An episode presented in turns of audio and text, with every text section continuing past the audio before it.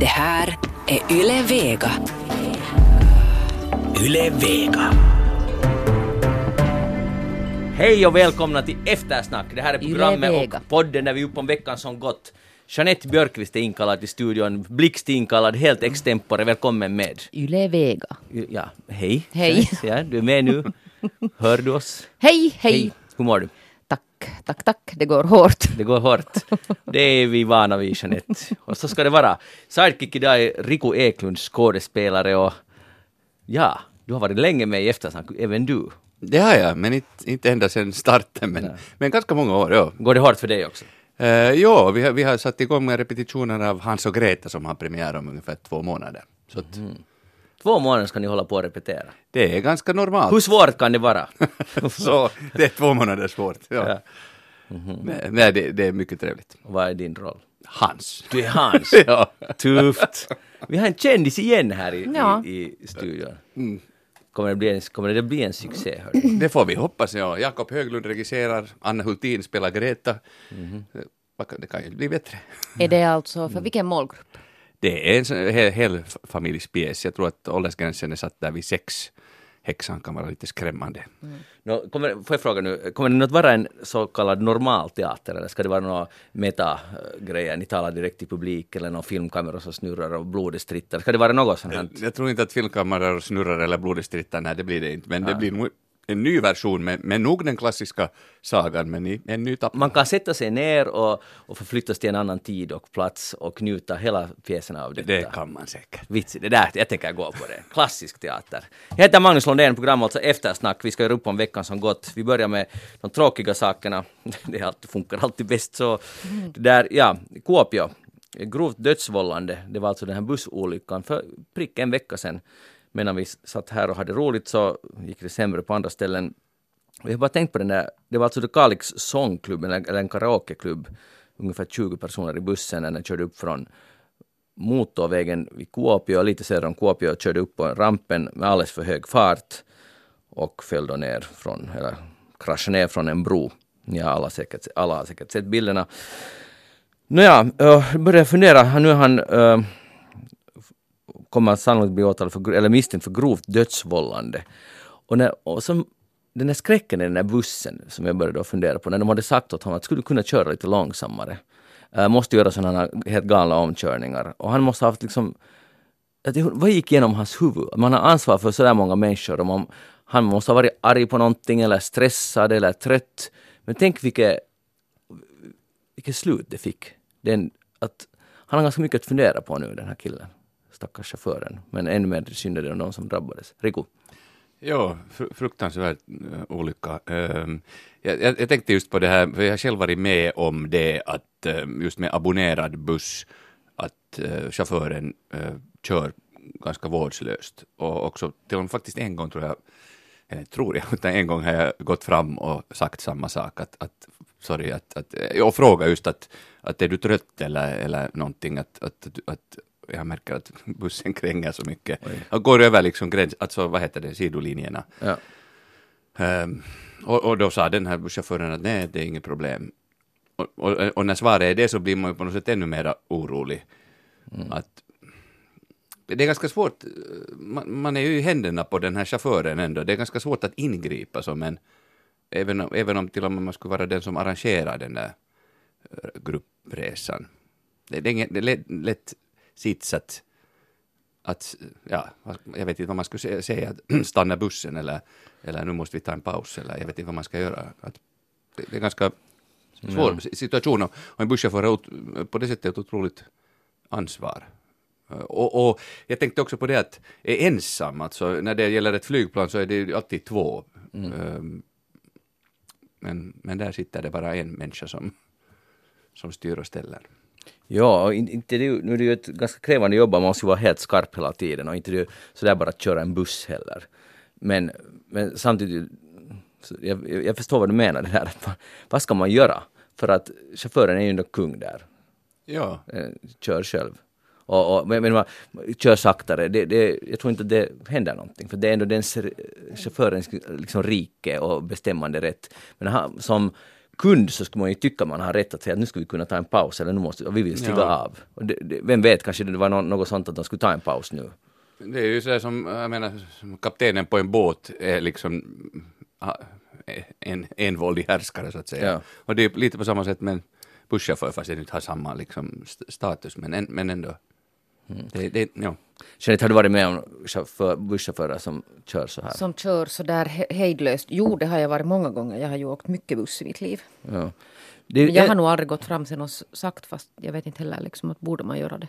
Kanske man borde. det Kanske kan ju det också uppfattas att i Finland är man ju inte så där. Det kan uppfattas som kränkande också om någon kommer och, och börjar säga. Ja, jag skulle säga att det är säkert ännu svårare just i en, en reguljär, men när det är en gruppresa, speciellt om man då ansvarar för den gruppen som gruppledare, liksom så, här, så reseledare, så, Ja, då så då har man ju ett, ett sorts ansvar åtminstone att, att säga någonting åt en chaufför som inte kör som den. Jo, svår, svårast är det typ någon, eller inte om det är svårast, men någon just reguljär trafik, stadstrafik. Det finns vissa chaufförer, de flesta kör jättesnyggt och bra och sådär, men vissa, ibland verkar det som nu ska de slå rekordet, att de kör så snabbt och det och extremt aggressivt och då får man nog lust, men man gör inte det. För det är på något sätt man går in på någon annans revir, ens annans jobb och säger att så här ska du göra. Så jag gör det aldrig. Men, men man sitter där och jätte... Nej, men tänker det är sen att de blir argare alltså av att man går sen ännu och börjar Ja. på något sätt ge feedback på deras körsätt. För, för man kommer ju liksom inte bort därifrån den Nej. här bussen. Man kan inte hoppa ut genom dörren. Så, det, så det, är en ganska hemsk olycka. eh, Det, där, det blir nog intressant att se när det, polisen har inte sagt desto mera om, Har det- om konstaterat alltså att farten var för hög. alldeles för hög. Ja. Och, och, och det stämmer inte då som han först hade sagt att, att bromsarna inte funkar. Utan det tycks nu vara att de funkar. Eller i alla fall var det inte det som var problemet. En annan äh, hemsk sak som också har skett den här veckan, fallet i Kotka, en niondeklassist har under skoltid blivit, ja, han har måste ta batterier i munnen, läckande batterier i munnen, plus vad det är hästkastanjer som är väl då giftiga i munnen och uh, hamnar, eller måste undersökas på sjukhus och eh, mamman har nu polisanmält detta. Jeanette har någon kommentar. Ja, så var det ju dessutom så att han har figurerat tidigare också när det har försökts utredas då att, Mm. att vad det här handlar om, alltså det skulle då, ska man väl tolka som att det har varit alltså, han har farit illa där och, och det har liksom pågått tydligen då en längre tid. Det är min tolkning av det här alltså. Man kan väl säga att skolan har misslyckats, föräldrarna till de här förövarna har misslyckats totalt. Uh, vem annat har misslyckats här? No, det är nu de. Och eleverna själva som gjorde det här. Alltså, nu, nu är det ganska konstigt att man beter sig så här. Alltså det är liksom, vad, vad kan få folk att göra sånt här? Alltså, man, man är 15 och man är inte, liksom, inte nå, det är inte som, det är, o- det är liksom med, så att Ja, säga, alltså, med flit vara- och överlagt och så vidare. Jo, jo, då ska man ju vara alltså redan i den åldern att man kan ta alltså ansvar Ja. för det där, sina gärningar. No, men det är bra att det är polisanmält och det, det är just det som det poängteras, det här är inte så att säga inom citationstecken bara mobbning utan det här är ett brott. Det är liksom seriösa saker. Så eh, jag tyckte att i huset så tyckte jag att rektorn gav ganska undvikande svar, men det kanske också handlar om att all information inte fanns och så vidare. Att, det är nog säkert, jag hoppas verkligen att den här skolan tar saken eller det kommer de ju att göra, de måste göra det, men hur, det att det går så här långt så nu är Men det jag tror att jag- jag hoppas också att- all, vänta, all, all den medvetenhet som finns om mobbning, det snackas så mycket om mobbning och mobbning, och det här sker ändå. Ja, och sen det här att det blir alltså signaler också om att, det där, att man måste ta i de här sakerna. Att det kan eskalera alltså om det börjar. Ja. Nå, kraft i den här familjen och hoppas att det slutar omedelbart och att saker på nå- på något sätt normaliseras. Sen när vi talar om eh, trevligare nyheter, så, eller ska vi säga roligare, så jag har nu med stu, stort intresse läst Ilta-Sanomat och också lite i Husis och i Hesari och så vidare, när Brigitte Macron har varit i Finland. Har hon? Ja, hon har När varit då? faktiskt här, ja. Det jag tror det var någon med någon att han är visst president, men hon var här. Och det där, och här är tre sidor! Med Jenny Hauki och, och, och Brigitte som det där, och de är, vet ni, de är bästa vänner. De, har liksom, de rörde varandra. Här, är- här är faktiskt, det står att först gav, gav Brigitte någon sorts kram och sen rörde Jenny henne på ryggen. Oj. Och det här, så har de ka- tillkallat en expert som säger att det verkar som de skulle ha de, de synkar bra ihop och alla... Nu ska Så att de vara- rörde varandra. Ja, de rörde varandra. fint. Ja, och jag kan nu röra Rik- Rico här sådär, Oj. förstår du? Vi, vi står Vi är- nära. vi- vi står nära varandra. Jeanette får jag röra dig på axeln Nå, gör också. sådär. Ja. Synd att det inte är TV mera. Ja, det är synd. Det ska Nu är vi funka. jättenära varandra här. Ja, och det där, så, så nu, nu vill jag att vi ska diskutera det här, för det, det kommer också fram och analysera det här att det, är liksom det franska och det finska möttes. Och det liksom franska någon stilen som- segrar nu. Ja, och var det inte där någon som hade analyserat på något sätt det här händelseförloppet, eller har jag bara inbillat mig, men det var någonting att hur, hur den sker den här förändringen alltså då hos vår presidentfru. Ja. Att, att det är först lite så här stelt, men sen på något Ja. sätt rycks hon med i Hon det rycks här med franska. för att hon är oemotståndlig. Och det är hon säkert. Och, men och det värsta är, för jag såg på den här bilden, jag titt- tittar på de här damerna Wow, nu är de karismatiska. Jag går helt med på det här. Och faktum är att jag kan bevisa, för jag har en gång träffat Jenny Hauge under ungefär en halv sekund, skakade jag hand med henne. Och då såg hon mig i ögonen och jag såg, och jag såg att den här människan Har karisma. har karisma. För hon har det på riktigt. Att det är helt, man blir helt wow! Att, att, och det som verkar hon smart och sympatisk, bara på den här en halv sekundens liksom. Det var snabb. I, det var snabb, snabb men alltså Analys. hon är faktiskt ganska medryckande. Så att, och sen då kommer den här Brigitte här, så vilken, liksom, vilken kombo! Så du tänker inte alls vara kritisk till att, Nej. vad sa du, hur många sidor var det? Tre hela sidor! Men han är ju fransman. Ja. Så- ah, det var ju det! Ja. Men du brydde dig inte om den här gubben då som var? Magnus. Nej, hemskt lite. Ja. Det där, uh, alltså jag, är- jag är kritisk men samtidigt är jag inte kritisk, så jag vet inte riktigt vad jag är. Det där, uh, men det här är mycket vi måste tala om, men, men Rico, har du en sån här rörelse, liksom, stämmer det att om man lite rör varandra så då, då är man liksom close? Är det, är det ett medvetet liksom, drag till exempel hos dig? Mm, Eh, medvetet, inte så att jag nu skulle tänka på det, men jag är ju nu en sån här fysisk människa Mm. som tycker om att, att, att, ta i och kramas. Och jag har kanske blivit bättre med åren på att känna in, inte, någon kanske vill bli kramad. Ursäkta alla människor som jag har tagit i när de, när ni inte har velat att jag ska göra det. När, Eh, när lärde du dig att liksom, hålla emot lite? Igår. Igår? nej, nej, nej med, med stigande ålder, inte kan jag säga exakt, men, men det där... Uh, no, ja, men det är en lång diskussion om närhet och sånt, här, men kanske inte kan gå in på det just nu och, och behovet av det. Ehm, men inte det är ju ett tecken på att man nu nödvändigtvis är några goda vänner, att man nu rör varandra. Det är ju eh, helt normalt eh, just på sydligare breddgrader som nu Brigitte kommer från, så, så ta, tar man ju i varandra på ett helt annat sätt och, och, och pussar på kind och, och så här, än, som nu inte är så vanligt i Finland. Mm. Jeanette, är du en sån här rör, person som rör? Ja, det är jag nog. Alltså du, du kör på Brigittes skola liksom? Ja, kanske dit, ja, jag, så, så långt kan man ju inte riktigt nå som hon. Ja. Men det där, ja. Men, ja. Nej, men ännu om deras, framförallt eh, vi följde mera med kanske de här presidenternas, eh, hur, de, hur de var med varandra. Eh, och, och de, faktiskt, jag tyckte att, att man kunde skönja, vilket var ganska intressant, att så är faktiskt en, en avslappning också hos Niinistö, som man nu inte alls alltid ser. Det blev hemskt tydligt förstås i, i förhållande till det här eh, trä, träffen med Putin, där det inte var så bekvä, bekväma eh, fysiska ställningar. Mm. De kramades inte. Nej, det, precis. nej och, här var det, och man, det, det, det, så här, det som man nu kan avläsa från en, en att inte vara med där konkret, så, så verkar det som att de kom bra överens. Mm. Alltså Niinistö har ju noll karisma jämfört med Jenny, alltså och jämfört med Macron. Båda. Macron. Om, om, på, på det sättet, eh, inte har han ju, tycker jag, någon utstrålning överhuvudtaget. Är det stämmer det här? No, jag skulle nu, Han har en sträng Ja, utstrålning. en sträng, ja. inte vet jag, noll karisma. Finansministerns utstrålning. Eh, och, och vad är karisma sen för någonting? Eh, Att, att, fin- finns det överhuvudtaget någonting sånt som är karisma? Alltså det är ju, Visst. Vad är det? Det är just det där om man skakar hand med Jenny Hauki och så blir man att, att det är något liksom Men det är ju din upplevelse av henne alltså. Så karisma är, är, är någonting som, som vi alla kan uppleva eller inte uppleva. Ja, visst. Det är ju ingenting mätbart egentligen. Alltså, som man kan säga. I är- Jennys fall så är det mätbart, att den är hög.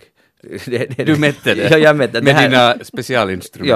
Ja, alltså, jag, menar, nu vet- och jag är inte den enda som tycker hon, alla är ju helt trollbundna av henne. Det är ju det är någonting hos henne. Alla? Och, ja, de som har träffat henne. Okej. Jag har inte tyvärr nu träffat henne sådär att jag ska skaka hand. Jag har nog sett henne live. Ja, mm. okej. Okej, det är inte mätbart, okej, men, men nu, Inte egentligen, nej, nej, nej. Alltså jag, visst kan jag själv uppleva att människor är karism, som jag tycker då, karismatiska, inte det, men, Mm. men det är bara bra att komma ihåg att, att det egentligen inte, karisma är någonting som vi inte kan mäta. I- egentligen. Mm. Men det som går att mäta, det är vad kläderna kostar. För nu har, här är en sida om, om Brigittes kläder och, och de har idkat alltså undersökande journalistik. För det var nämligen så här att när uh, Brigitte for till Sveaborg med Jenny, och de hade jättetrevligt också där, eh, och dessutom Brigitte lyssnade uppmärksamt på när Jenny berättade om Sveaborgs historia. Vet Var- någon vad de talar för språk? Ja, det har jag funderat på också. Engelska för för Sauli talar ju franska. Men jag, jag såg en snutt när de talade med varandra på torget, alltså, Vem? Saul, äh, Ninis, alltså Sauli och, och Ja. eh, vad heter han? Macron. Ema- Emanuel. Ja. Eftersom vi är du med dem. Ja. Emanuel. Så det, där, det låter som Emanuel, det fanns sådana filmer. Emanuel. No. Det fanns Eh, många delar i den Ja, just det, ja. det var någon helt annan person. Ehm, så där talade de i alla fall på torget i kaffetältet, talade de engelska med varandra. Gjorde de det? Ja. Men det kan ju hända att de talar franska också. Men tror du för, alltså, att kanske hans franska inte är så stark? Nej, det kan vara, men jag har levat i tron att han lite studerar så här vid sidan om. Ja, kanske kanske det är så när, när kamerorna inte är med eller sådär, när inte någon hör så kanske han talar franska med. Men det skulle vara coolt att han skulle ta det just när Men han alla kan hör. säga att vill Visst, du visst, ha kaffe? visst. Ja. Om det är liksom på den Så- nivån. Ma- Du- du behöver inte försöka. Hej, Magnus är ju fransk, Nej, men så alltså låt det, komma. så det, det är ganska strikt här på väg att man ska, det här är en svensk kanal, så därför, därför fortsätter vi nu på svenska. Okej, Ja. ja. je ne parle pas français.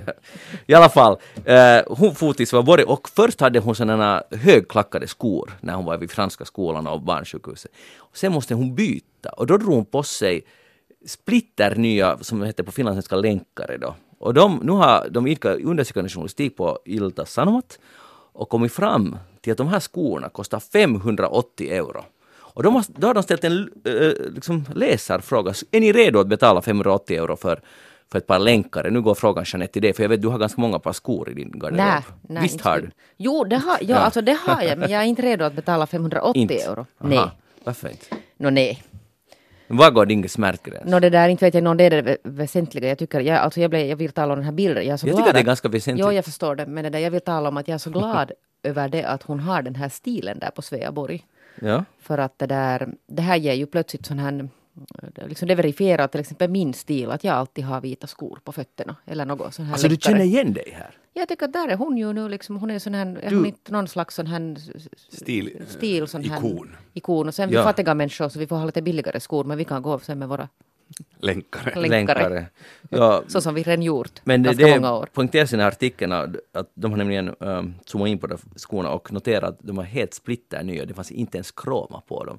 Så det måste vara det första gången. Och dessutom hade hon en blazer som kostade, tusen, Blazer. eh, som kostade 1800 euro. Ja, så. Ja, ja, det är ju jätteimponerande, är det inte?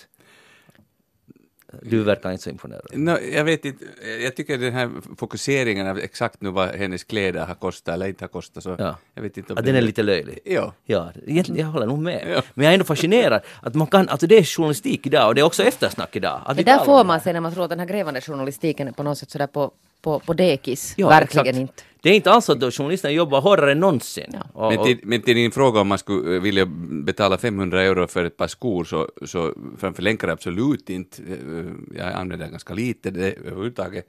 Men också för någon riktigt fin skor så, så skulle jag inte kunna betala så mycket. att jag, kan, jag kan ärligt talat inte förstå att någon människa vill betala 580. Nå, om du har massa pengar så Ja, då men det spelar så. det inte någon roll. Så är det. Eller Hej, inte så stor roll. men nu ska vi, vi, ska, vi måste gå vidare. Vi går vidare. Ja. Sommartiden, frågan ah, har nu engagerat europeer som aldrig förr eh, och jag blev jätteintresserad av den här. Det är ju så här att EU ställde en fråga faktiskt till folket, till oss alla som EU-medborgare.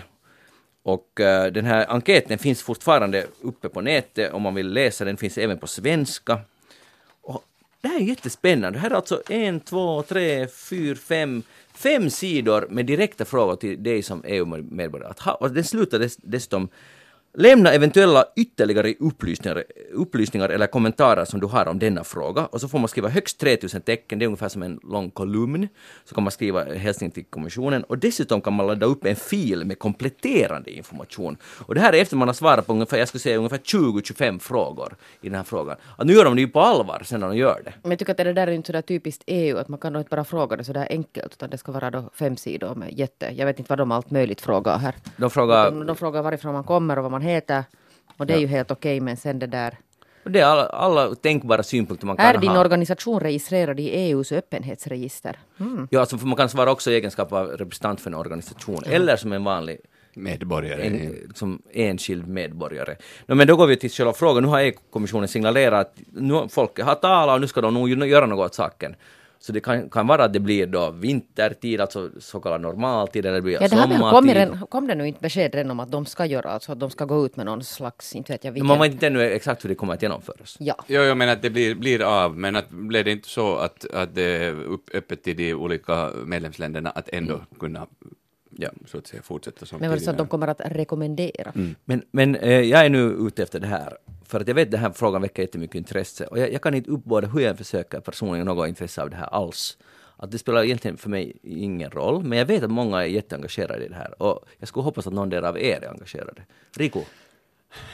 Nu måste du, det ligger på dig nu Det Rico. ligger på mig. Alltså, ehm, när, jag minns när sommartid, när, det, när den infördes så tyckte jag att det kändes ganska konstlat och underligt och så här, men sen har man vant sig, det har pågått så, så länge.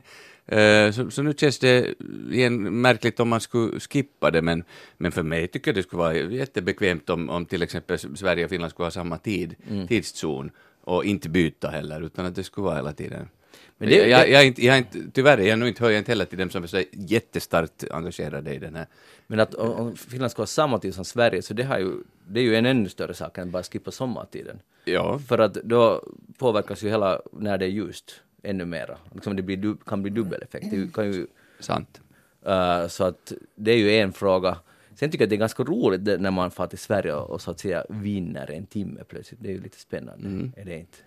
No, det, det är stora saker I ditt det här. liv. Ja. Nå okej, eh, vi, engagerar, vi, vi lyckas inte uppbåda så mycket energi nu kring den här frågan.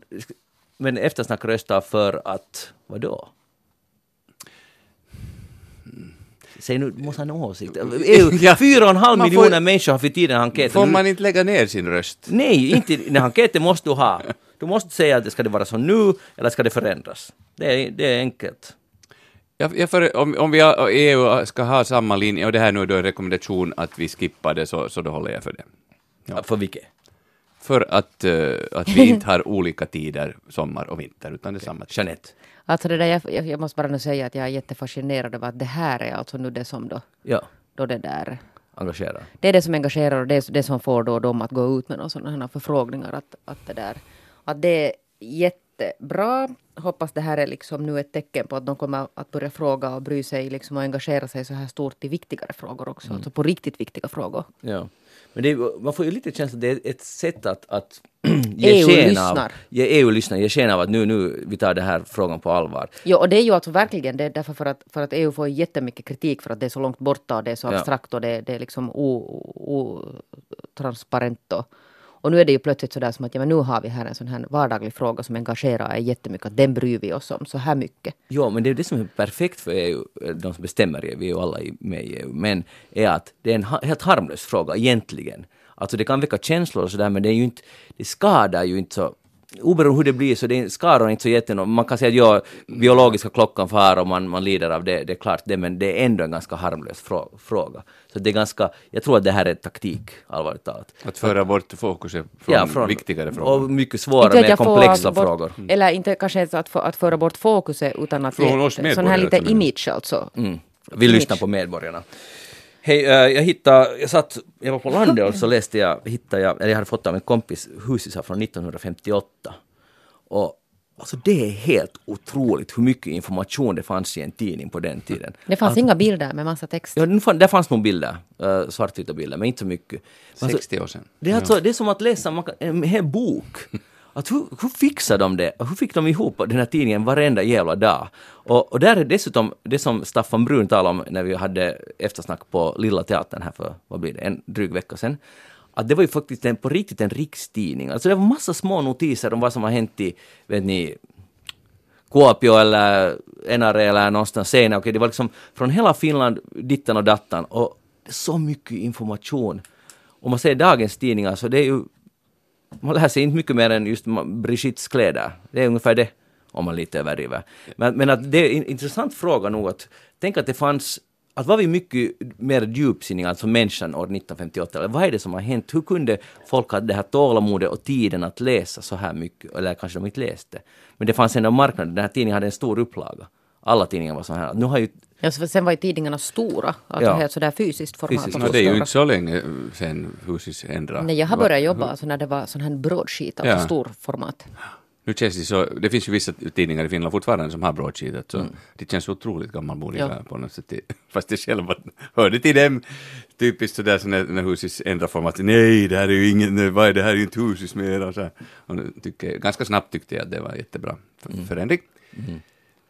Men i, på din fråga att det där att, eh, ja vad sa du, att han vill bli ytligare eller? Ja, eller någonting liksom- måste ju vara ett tecken på. Nu, Jo, jo, och det är det, alltså tecken på, jag tycker det är tecken på det hur, hur livet har blivit mera snuttifierat, som vi var inne på många gånger, snuttifierat, eh, tempo är mycket högre och det ökar hela tiden. Det där är ju en del av det, att det, att det har gått så. Och sen finns det ju en massa andra saker som konkurrerar om uppmärksamheten. Men jag skulle inte hålla med dig, alltså, äh, inte till det början ba- bara sådana Macron-artiklar, det skrivs ju jättefina äh, reportage, alltså det är mycket mera det Ja, du har rätt. tidningen är idag, alltså ett reportage, och ganska, tycker jag, många av dem mera djuplodande än vad Mm. det var för några år sedan, i och med att de här ny, alltså som nyhetstidning hade ju förlorat sin funktion. För den, de får vi ju genast till vår telefon mycket, mycket snabbare än den här tidningen, hur tidigt den skulle komma på morgonen, så, så är det liksom... det var dumt sagt. Jag, jag är ledsen. Det var de här kvällstidningarna som jag kanske syftar på. No, ja, men det, Ja. Men de gör också helt bra grejer De gör också. faktiskt. Så jag hade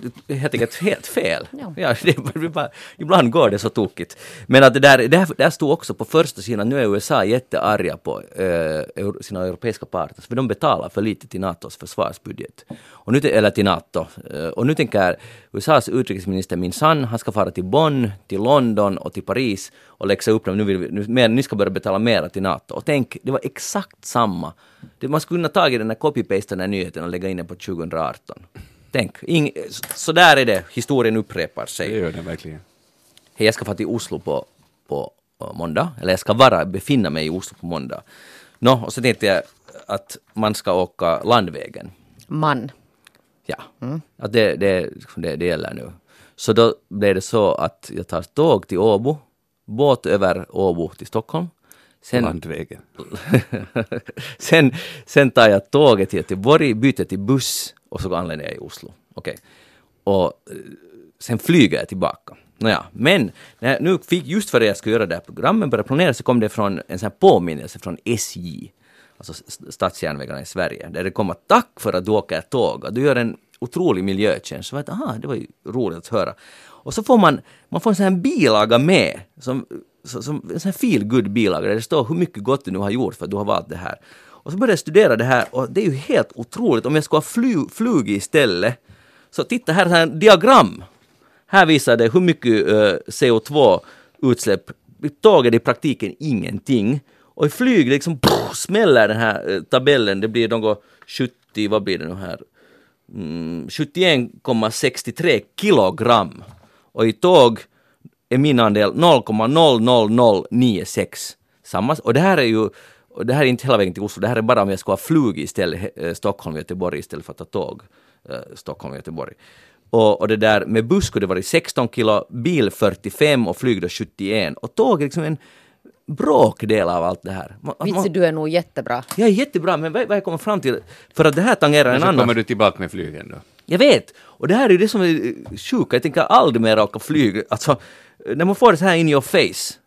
Och nu, därför blev jag så upprörd över mitt be- beslut att flyga tillbaka, för att när jag läste om en jappe som heter Tuila Pea Sailele, som är premiärminister på Samoa. En gång till det namnet.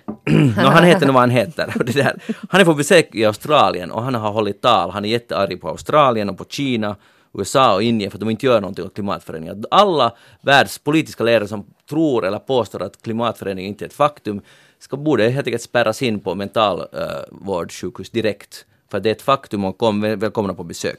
I alla fall, så jag läste det här och så tittade jag, för han säger, han säger så här. Vi vet alla vad problemet är, vi vet alla vad som förorsakar det och vi vet alla uh, vilka lösningarna kunde vara.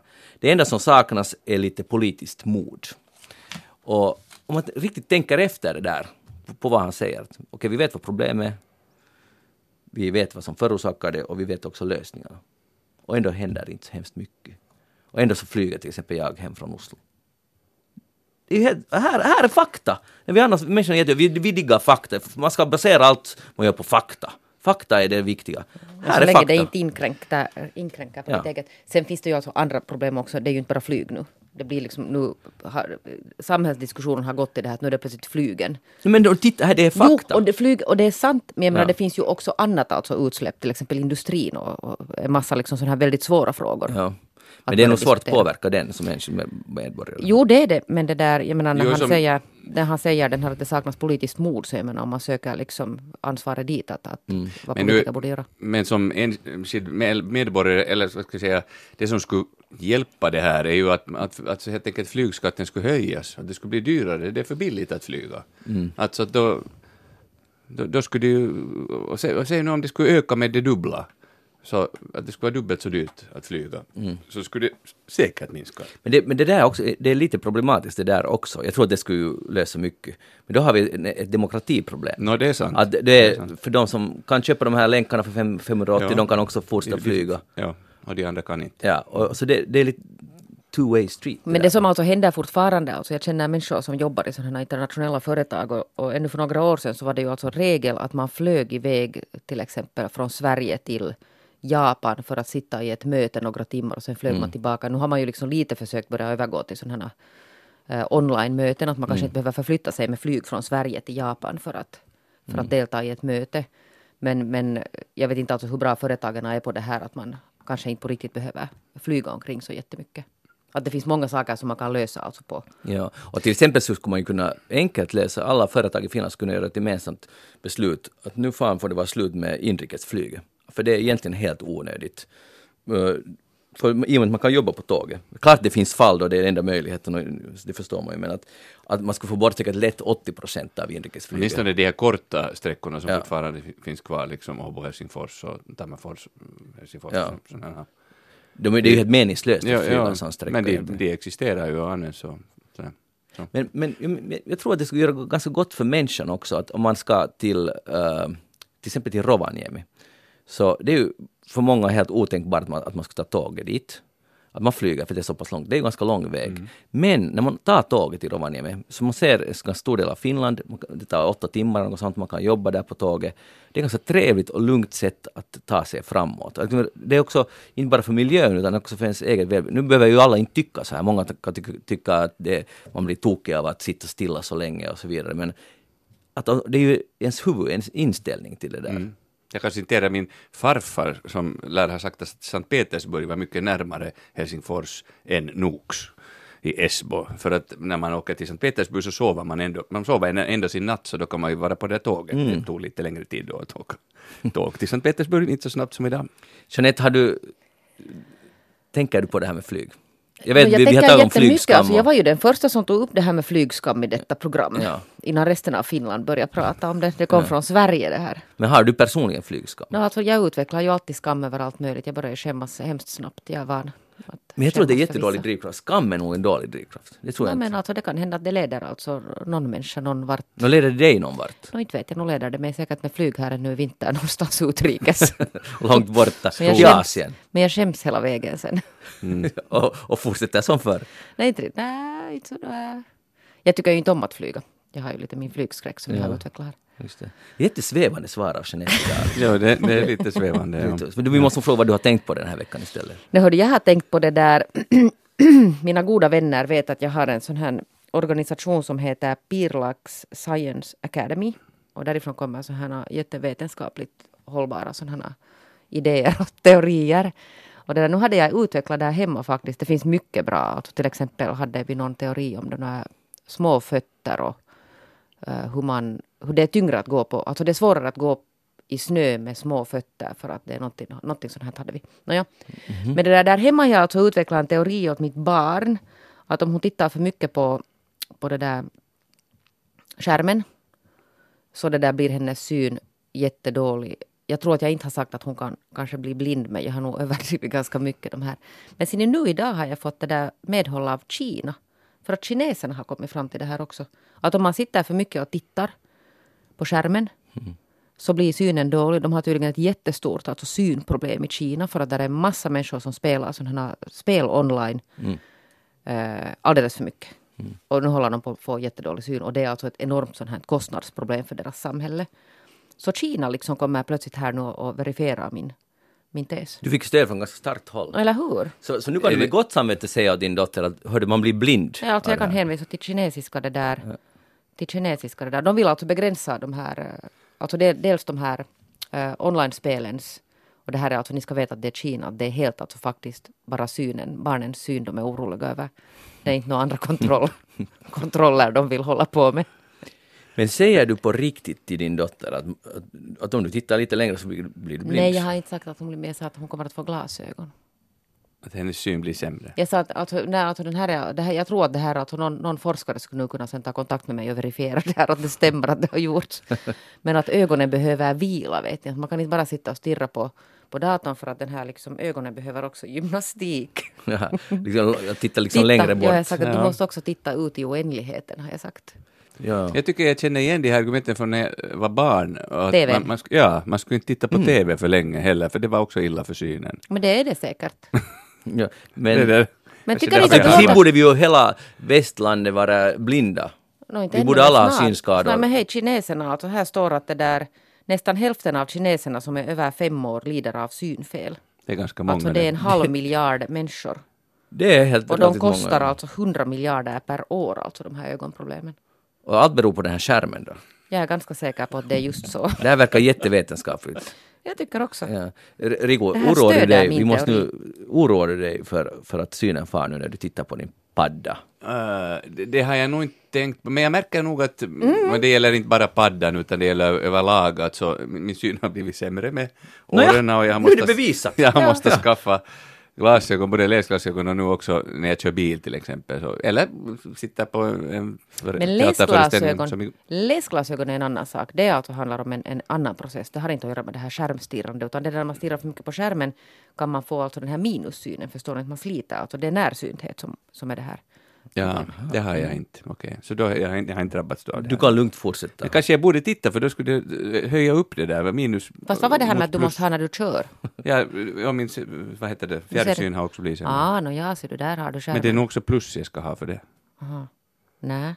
Aha. Ja, eftersom jag nu är en vän av fakta så tror jag vi måste dra streck i Ja, det- det Nu, nu måste vi gå vidare, Jeanette. Men jag alltså säg, inte till... till, säg inte till din dotter att, att, hon måste, att, det, att hon blir blind eller... Men det har jag inte, jag sa att jag inte har sagt Jo, det, men men, jag- det, där, det kan hända att det skulle ha kommit till nästa.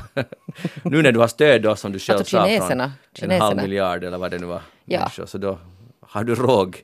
Hej, men vi- nu går vi vidare. Rico Eklund, vad har du tänkt på den här Nej, veckan? jag, jag är faktiskt lite på lika vetenskapligt om, område. Det är jag Vetenskapsradion idag. Ja, det är tydligen det.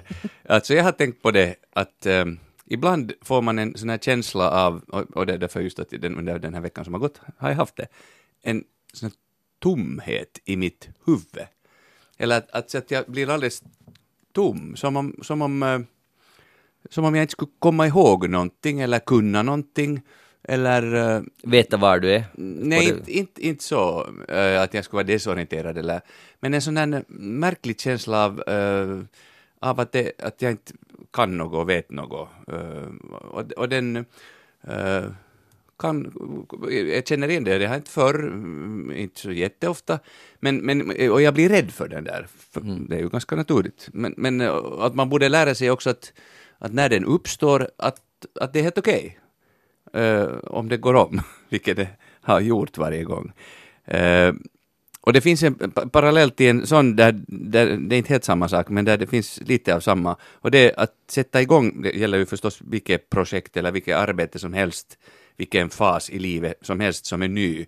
Att, att eh, jag tänker du förstås i och med att vi just har börjat med en ny produktion, så är det man på sätt och vis nollställd och det är som man börjar helt på nytt. Och det, eh, huvudet är på sätt och vis också där tomt. Eh, det finns ingenting om, och man kan ibland få den där känslan att jag inte kan någonting och jag vet ingenting och jag har aldrig gjort det här tidigare. Det är förstås inte sant. Precis, lika lite som det är sant att ens mitt huvud blir tomt. Alltså den upplevelse, en känsla av att, att det är så, som är sann och som, som eh, jag måste lära mig, man, jag måste lära mig att, att leva med, att den kan komma och, och det är helt okej. Eh, och, och, och sen blir det så att säga bra igen om, om man inser att, att, eh, att, eh, att jag kan saker och jag, jag klarar av och jag, och jag, min, min hjärna är inte tömd på all, all information utan den Men det är alltså inte någon sån här fas av den här som du går igenom varje gång? När, det gäller, alltså, när det gäller mitt jobb så är det lite så. Det är den här kreativa fasen Jo, har och den kan vissa- också komma mitt i. Alltså, det, det behöver inte alltid vara just i början, utan det kan komma plötsligt ett skede där det känns som, när, när allt på något sätt kan ha- hacka upp sig och så tycker man att alltså, jag, jag förstår ingenting och jag kan ingenting. Och, Och jag borde sådär. byta bransch och sånt. här. Ja, och sånt Ja. också tär på självförtroende, den där känslan. Och sen kan nästan motsatsen också ske, i, lyckligtvis ibland, eller inte lyckligtvis, men den kan ju också bli extrem, att man tycker att man, jag fixar vad som helst och, och jag är bäst i världen och, och sådär. Mm. Alltså de där kasterna kan vara ganska stora. Men ja, Får jag fråga, den här känslan när, när det är alltid tomt. jo, Ja, så skulle, är det liksom, menar, avser du nu att det är, ska vi säga, ett, medicinskt tillstånd eller är det en känsla av att mitt liv är tomt och, och vart är jag på väg? Eller Alltså, en vi- professionell Ja, liksom, att, hurdan, att är det något som tilltalar i ditt huvud som du ofrivilligt, eller är det, är det just som Jeanette sa en del av en någon sorts process att när du det börjar är, lite, från... det är lite både och alltså. Att, att dels, dels, det finns liksom båda de här bitarna och de kanske nödvändigtvis sker samtidigt. I, Eh, att det, det finns dels den här eh, som är en del av en process och som är på ett sätt helt naturligt. Men sen finns det liksom någon, och jag vet inte, är det någon slags trötthetsgrej eller, eller som gör att det blir en sån här känsla av att att, uh, att jag vet ingenting och jag kan ingenting. Och, eh, jag, Ja, men jag, vill, jag måste, en, en följdfråga. Att när jag vet ingenting, jag kan, är det liksom en medveten tomhet att, att du får plötsligt att vem är jag egentligen? Och, och, eller är det, förstår du, att, att plötsligt bara, nu fattar jag ingenting. För- Förstår du, det är ett, ett, ett, sjuktillstånd eller är det mer en sån här ifrågasättande av dig själv? Nej, det, det är nog mer ett, ett ja, sån att, att, att, att det på, på riktigt, alltså medvetande om att, ja, att, att det är så. Att, att jag, det, alltså, det, det är en verk, verklig känsla alltså. Det är inte så att jag ser mig utifrån, utan den är liksom, jag vet inte om jag... Men du vet alltid var du är. Ja. Ja. Och du vet vart du är på väg? Ja. Vi börjar med det. Ja, ja, Inte, inte, ja, ja, om ni menar nu på så helt konkret att jag ska Ja. till Böle eller ska Ja. till, ja. Det är inte välkomna till husdoktor- helt tappar bort doktorn. mig och inte vet vad jag är. Nej, det, det har jag just, kan jag inte påminna mig om att jag skulle ha varit med om. Okej, du sa att du blir skrämd av det här. Jo, Men- lite, ja, ja. Men kan det finnas något bra med det? Jo, det, det goda tror jag är det att man accepterar att det, att, att det inte är så farligt. Mm.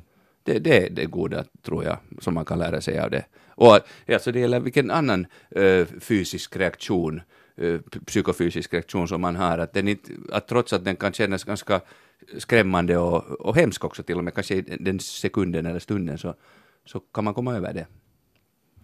Som jag hade, alltså jag hade en ganska jobbig tid i förra vintern och, och var sjukskriven också på grund av en, eh, liksom en, vad ska jag säga, en sorts burnout.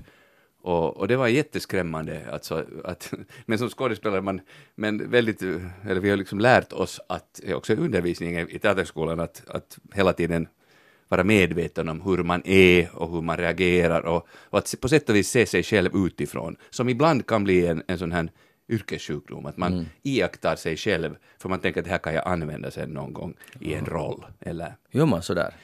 Många skådespelare, förstås inte alls hela tiden, men det, men det kan uppstå, speciellt när det, när, när det sker någonting lite dra, mer dramatiskt. Eh, så, så, som det, som jag, ja, som att när man mår sämre av en eller annan orsak så kan det komma den där, inte att det sker hela tiden, men det kommer en sån glimt av att man tänker oj, aha, jag, eller kanske just efteråt, ah, jag var så där, okej, just så, jag föll ihop så där och jag började gråta så där. Och, alltså det finns en sån där en sorts eh, kamera, egen kamera som, som man ser på, på sig själv utifrån. Med. Det har jag aldrig tänkt på. Det måste vara, det är ganska intressant. Det, kan det vara ganska plågsamt också? Jo, ibland, ja. ja det, det, och som sagt, det här sker inte ofta, men, Ja. men det... Men jag, jag kommer ihåg, för, jag vet inte hur länge jag ska prata om det men, men det där, eh, första gången tror jag jag var med, och då gick jag i Teaterhögskolan, och jag blev jättesjuk, alltså hemma, jag hade nog 40 graders feber, vilket är ovanligt. Och, och, och så minns jag att jag skulle gå upp till mitt rum, bodde ännu hemma i Nokså, och så höll jag på att svimma, alltså av liksom utmattning. Och så bara det gick runt, och då var samtidigt i det här tillståndet min tanke att hur är jag nu här liksom, att Alltså, Mm. från min undervisning, att hur, hur ser man ut när man håller på att svimma, liksom, att vad, är det där, vad är det där fysiska uttrycket? Eh, det, det, lite så schizofren eh, situation kan det bli, när man iakttar, i, plötsligt iakttar i också en ganska extrem situation sig själv utifrån. Men, okej, vad är det, när du sa att det var också i undervisningen, varför, varför, är det, varför ska man lära sig att se på sig själv utifrån? Vad är nyttan av det? Nyttan är det att, att alltså vi, i vårt arbete utgår ju de flesta av oss uh, skådespelare från sig själv och man använder av sitt eget liv, sina egna känslor, Ja. sitt eget, uh, sig själv. Och ju mer, bättre du känner till dig själv, så desto mera kan du hitta de där olika lägena och de här olika, både fysiska och psykiska uh, uttrycken som du behöver som skådespelare. Jeanette, brukar du se på dig själv utifrån? Nej, jag är helt full av beundran. Men alltså jag tror att det Av finns det, alltså... du får beundra av dig själv, ja. Nej, utan för, för det här alltså skådespelaryrke. för att det är ju jätte, jättefascinerande. Men jag tror att det finns alltså inom alla kreativa uh, yrken så finns det alltså eg, egenheter som hör alltså ihop med det. Det finns säkert alltså inom skådespelaryrke också någon sån här, vet ni, det finns sån här skämt, för journalister till exempel, sån här skämtstege som inte nu kanske ens är så mycket skämtsteg, att hur den här kreativa processen går framåt. Och där i den ingår ju alltså som en levande del det här att du tappar hela ditt självförtroende, du kan ingenting och, och det här blir inte någonting och, och man sitter och byter bransch och, och sånt. Att det är liksom bara en annan utvecklingsprocess för, för ett journalistiskt Mm. sånt här stort jobb. Och det är säkert samma alltså bara på med några andra sådana här utvecklingsstegar där på. det, det, det märkte jag ju att med den här min bok nu som ska komma ut snart, som min farmors minnen i bokform, och, och där jag också hade skrivit, eller har skrivit alltså då egna texter. Och jag har inte egentligen publicerat någonting eget skrivet tidigare överhuvudtaget. Och jag var jättetveksam och, och, och sen Kristoffer Möller, min, min goda vän och, och kollega som, som har uh, korrekturläst boken, och, och för jag frågade, ska jag alls ha med de där egna, att ska jag bara liksom, han sa ja, ja, jag visste att det, och det var också just det att jag blev så jätte eh, tveksam och kritisk till vad jag hade själv. eh, Och sen när det väl var liksom klart och jag såg hel, helheten så sen blev jag en sådär att oj vad jag är bra och det är jättefint. Och det hör Och till, det- alltså, det och brukar- nu, nu är jag igen tillbaka i den där när den just komma ut sådär att, man, att man kanske inte någon tycker om det sen ändå. Men det är helt normalt. Det hör det till. där låter onormalt. Det, det, jag, jag inte säger att det är onormalt, jag bara konstaterar hur det kan gå i Men det kan vara ganska jobbigt med de där stora känslorna. Men lycka till, du får återkomma med mera äh, rapporter om, om det här. Det låter ganska intressant. Hoppas det inte, om du inte vill ha de här stunderna så hoppas de inte kommer då så ofta. Nej, det gör det inte. Det är inte ofta. Nej. Hörni, äh, Jeanette, hur mycket går statsbudgeten ut på? Åh, snälla. Nej, men, ungefär. Jag vet inte. Alltså jag borde veta det här. Okej. Nå, hu- Jag har till och med skrivit om statsbudgeten. Nej, jag gissar ingenting. Okej, Rigo. Nej, jag kommer inte heller ihåg. Jag vill inte gissa. Det är såna fega. Ja. Nu, nu ser du på dig själv utifrån, att hur ser det här nu ut? Att om jag inte kan det här. Säg nu bara, säg bara något. För du måste säga, annars får du sluta här i eftersnack. Säg, oh, vi, i, Det var ju sån här... Du var ett- det var ett borde- hot. Du borde Magnus jag bli chef, du har så bra tag här. ja, Det, men det är just det att man vill inte visa sig så dum som man är när det gäller Okej. pengar. Ja. Nå, är det miljoner eller miljarder? Miljarder, miljarder. Ja. Ja, Ja, jo, jo, jo. Bra, miljarder, där kom det en gissning. men, 55 är Aha. rätt svar. Inte skulle jag heller veta det. nej, Men, jag, men, jag skulle ha lika- sagt hälften. Ja, men det var en bra gissning. Jeanette var ännu fegare, hon sa inte ens miljarder. Men i alla fall, nu har de ju jobbat på det här hårt, uh, att de sista pengarna ska delas ut till någon, de, de här smulorna. Och alla partier har lite fått kasta in något, så det, det tyckte jag var jätteintressant, att vad har man liksom då jobbat för? Så jag har använt faktiskt en ganska stor del av dagen till att, att läsa mig in på vad de har, vart pengarna går. Det är nu till polisen och försvaret och, och sådana saker, mycket fyrk dit och sen till Forsstyrelsen lite 1,9 miljoner fast som skulle behöva mycket, mycket mera eh, för att sköta om nationalparken - och sköta om stigarna där så att folk ska ut i skogen vilket gör att vi mår alla bättre och så vidare men de fick nu bara 1,9 miljoner men i alla fall sen finns det ett, ett jättestort projekt som heter, som handlar om uh, hur man ska få liksom, byarna i Finland att leva upp igen. Och det har hållit på sedan 2014. Jag har läst en rapport som har kommit ut med massa visioner om vad man ska göra. Och man går riktigt djupt in i den här rapporten som är skriven av Marianne Selkäin-aho vid Jord och skogsbruksministeriet. Den heter ungefär Smart Villages in Finland. Men om man går långt in i dit så finns det sen åtgärdsförslag. Och alternativ fyra, alternativ fyra är det att borde vi införa byaskolor igen? Och, det där, och då tänkte jag att tänk om det pengarna ska användas till det, vilket det är ju en struntsumma de har fått, men det var inte alls på det sättet. Det har man skippat, det var bara ett förslag, utan istället satsar man allt på digitaliseringen. Och vi ska få liksom, det ska nu digitaliseras helt enkelt också på landsbygden. Det är ju bra jag menar i och för sig. Men vad ska digitaliseras alltså? Jag vet inte, men, men det, det, det, jag tycker det är intressant. Ja, att alla ska få bredband och, Mm. och så vidare. Och det är ju helt absolut nödvändigt. Det måste, så måste ju vara. Eh, det kommer att kosta och det tycker jag inte gör någonting. Men det intressanta då är att, att det, den enskilda idén som säkert lättast skulle få fart på byarna är ju att det skulle finnas skolor där. Är det inte så? Så att Allt baseras ändå på den där skolan och den där butiken. Men det där, det har man då slopat verkar det som. Centern kastade in 50 000 euro till kvinnoorganisationerna. Det var inte så jättemycket. Men det mest intressanta, visste ni att det finns en sannings och försoningskommission i Finland? En sannings och försoningskommission. Ja. Nej, det visste jag inte. Nej, den har fått 1,5 miljoner. Nå, vad är, vilken sanning och vilken försoning? Vad, vad skulle ni tro det? Vad, vad har vi obehandlat i vårt land? låter... Samerna? Rätt bra Jeanette! Aha. Och, och det där, man har hållit på, regeringen, alltså vår otroliga regering har faktiskt bestämt att i fjol att det här ska, det ska tillsättas en sådan. Och det, har stött, det har gått mycket långsamt och man är inte riktigt ens överens om vad är det man ska försonas kring eller vad det, hur ska det gå till. Men nu har de i alla fall fått Centern fixa dit en och en halv miljon. Och det här lyfter jag lite på hatten för. Och nu borde man bara uh, få enorm publicitet kring den här sannings och försoningskommissionen. För det är ju en jättestor sak. För det finns massor av samer som har blivit förfinskade eh, helt mot sin vilja på många olika sätt. Och det här är, det är alltså att det var mycket värre i Sverige. Det var mycket värre i Sverige. Och sen talar man inte alls om hur det var i Finland. Och det där, men nu är det alltså på gång. Och nu eh, är samerna, eller det verkar som man ska vara oroade för det, att det går sen som det gick i USA tydligen när man hade haft någon liknande ursprungsbefolkningen där. Och sen bara regeringen eller någon i USA officiellt bad om ursäkt. Men man publicerade, man bara sa sorry till de här som det gällde på någon tillställning och tysta ner det annars så det inte ska komma liksom till allmän kännedom. Och det här är ju tvärtom så borde man nu, det borde vara enorm publicitet kring det. Att nu ska vi gå igenom vår historia, nu ska vi försöka säga förlåt där vad det kräv, krävs och, och, och så ska vi tillsammans gå vidare. Vem ska månne administrera den här då?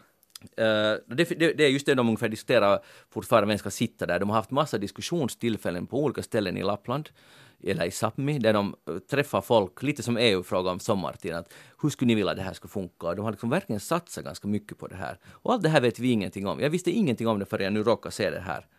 Men jag tycker, lyfter på hatten nu att, att det kanske blir något av det här. Och att det görs på rätt sätt. Ja, det är ju det viktigaste, med, med respekt. Vi får se hur det går. Hej, den här killen som simmar över Stilla havet. Ni Ja. kommer ihåg vi talade i förra eftersnack om, om honom. Och där, jag vill bara berätta att han stötte på en haj igår. När han simmade och hajen kom och cirklade runt honom och så skriver han entusiastiskt att så som alla andra djur, också så som jag själv, så var han, hajen bara nyfiken. Att man måste få vara nyfiken. Och så stack hajen iväg och sen nästa dag kommer hajen tillbaka. Och då är det inte lika roligt. För då hoppar han, för det var grumligt vatten fyllt av plast. Och då hoppade han upp på, i sin jolle med för han blev så nervös när han inte såg hajen. Han sa att, för att om inte jag ser hajen så då ser inte hela hajen mig och då kan hajen bli liksom rädd och ta ett nafs. Så därför måste han hoppa upp. Och jag vill uppmana alla att följa med den här benlecomte.com. Kan ni inte snälla göra det? Hur långt har han kommit nu? Hemskt kort. Han, alltså han ska simma över Stilla jag hörde havet. er förra fredagen, ja. Jag, jag är helt fascinerad av det här. Alltså hur galen kan människan bli? Men det där, gå in på Benlecomte, betala pengar till honom eller någonting. Men alltså hur ska han komma vidare där nu för att den där hajen cirklar väl där? Det vet man inte. Så han sitter i jolle, det måste ju vara något större än en jolle. De har också en segelbåt. Ja. Men, men det här var igår, så det har inte kommit någon ny rapport ännu. så du kan gå och titta nu här genast efter det här. Det är det första jag tänker göra. När kommer uppdateringen? Det där, eh, Jeanette, du är vän av katter. Verkligen. Mm. Du borde inte flytta till Nya Zeeland. De är jättesura på katter. Nu har det kommit ett förslag i nya, alltså södra Nya Zeeland, den här södra halv- ön, sydligaste spets, finns det en by eller en stad som heter Omaui. Och där har de nu bestämt att de tänker antagligen förbjuda katter helt och hållet. But why? Att om man har en katt så ska den ha en mikrochip och när den dör så är det, sen är det slut, sen blir det ingen ny katt mera i det hushållet. Orsaken är den att de, på, de vill nu rädda bland annat kivifågeln, som är deras nationalfågel, som inte kan flyga. Och katterna har ingen plats egentligen. Det finns egentligen, det fanns inte katter från början på Nya Zeeland, de har kommit dit. Och det, samma gäller det hermeliner och råttor och sånt. De vill ha bort allt de här, alla de här Invasiva Ja. Och de satsar ganska mycket på det här. Och nu är då ju kattvännerna ganska upprörda. För att de, folk vill ha sina katter. För att katterna jagar sånt som inte borde jagas. Ja, jag, förstår, jag förstår den där poängen med det där. Man kan ju ha katter på ett sånt sätt att man inte låter dem. Det är ju det att de går ju fria där då och käkar vad de gör. Katterna de gör borde alltså, alltså rovdjur. De borde hållas inomhus och sen och, och när de går ut Eller bygga sen någon sån här, någon om de har gårdar så sån här där de håller att katterna hålls alltså där på Mm. något sätt sådär begränsat så skulle de kunna fortsätta. Måste man vara sådär radikal? Men ja, Men nu är det ju hemskt de alltså, arter som, som har funnits där som hör dit liksom håller på att försvinna på grund av de här katterna. det dör Men 20 det, det var inte bara katterna, det var nog hermeliner och sånt. Det var också hermelinerna, men med mycket katterna. Det dör alltså 20, de här kivifåglarna kan inte flyga. Uh, så det är inte så lätt att komma undan en, en snabb katt för en sån här fågeljävel som inte kan fara upp i luften. Du förstår? Jag problemet. förstår alltså mycket bra det här problemet. Det dör 20 stycken per vecka. Nu finns det bara, det finns färre än 70 000 kvar av de här kivifåglarna. Förut hade det funnits massor. Men det där de händer om de Och det har är dina katters fel. Men om de här, om de har som princip alltså att, att man får ha, man behöver inte avliva nu sina katter utan de har då, De får dö bort. de får dö bort så det där, de kan hinna ju de där fåglarna försvinna ännu innan alla katter har dött bort där. Sorry to say. Du, det var inte så hemskt optimistisk prognos det där. Nej. Nej. Så man har skapat sådana öar som är helt eh, befriade från jägare såsom hermeliner och råttor och katter för att rädda. Och så eh, tar de kivifåglarna som blir vuxna och flyttar dem tillbaka till... Men ser du, nu är ju inte här, alltså, alltså inte är ju kattmänniskor omöjliga. Man förstår ju alltså sådana här argument. Okej. I alla fall här i detta land. Okej. Riku, vad, vad står du i den här ganska viktiga frågan? Ja, jag, jag håller för kibifåglarna så Ja. att det där katterna får nog nu hålla sig. Ja. Men det gör vi säkert alla med. Jag menar, kan man inte liksom, finns det ingen kompromiss här? Nej, det är slutkompromissat nu hör du. Någonstans måste man dra De gränsen. kan vara in, inomhus katterna. I, Ja ja. Det där, eh, sen vill jag säga att det var en journalist, på tal om bra journalistik, som i Guardian som bestämde att han tänker testa hur det är att vara postiljon. För att det snackas jättemycket i England om att eh, uh, postiljonerna liksom biter helt enkelt av bland annat mens- postiljonens testiklar hade inträffat och, och fingrar. Och, det, och nu vill han testa och det, det är tydligen alltså ett ganska stort problem. Det är några tiotal, eller tio hundattacker varje vecka mot postiljoner. Och nu har de utvecklat, det här är bara 40 sekunder kvar att berätta det här, de, de har utvecklat en tång, man ska sätta in posten med en tång genom postluckan för att undvika de här mördarbästarna. Bara så du vet, Jeanette. Det är inte bara katter. Nej, det är inte bara katter. Jeanette Björkqvist, det var härligt att ha dig här. Vitsi sådana angrepp mot djur här på Ja, slutet. ja, det var lite onödigt. Och sådär kort att vi inte hinner försvara dem. Ja, det var, det var helt medvetet. Rico Eklund, det var härligt att ha dig med här. Tack, tack och trevlig höst till alla. Höstmånaden börjar i morgon. Jag heter Magnus Lundén och programmet alltså Eftersnack. Vi är tillbaka igen om en vecka då det också kommer en ny podd som finns på arenan som vanligt. Så att ladda ner den och njuta av livet. Vi hörs igen, ha det bra, hejdå!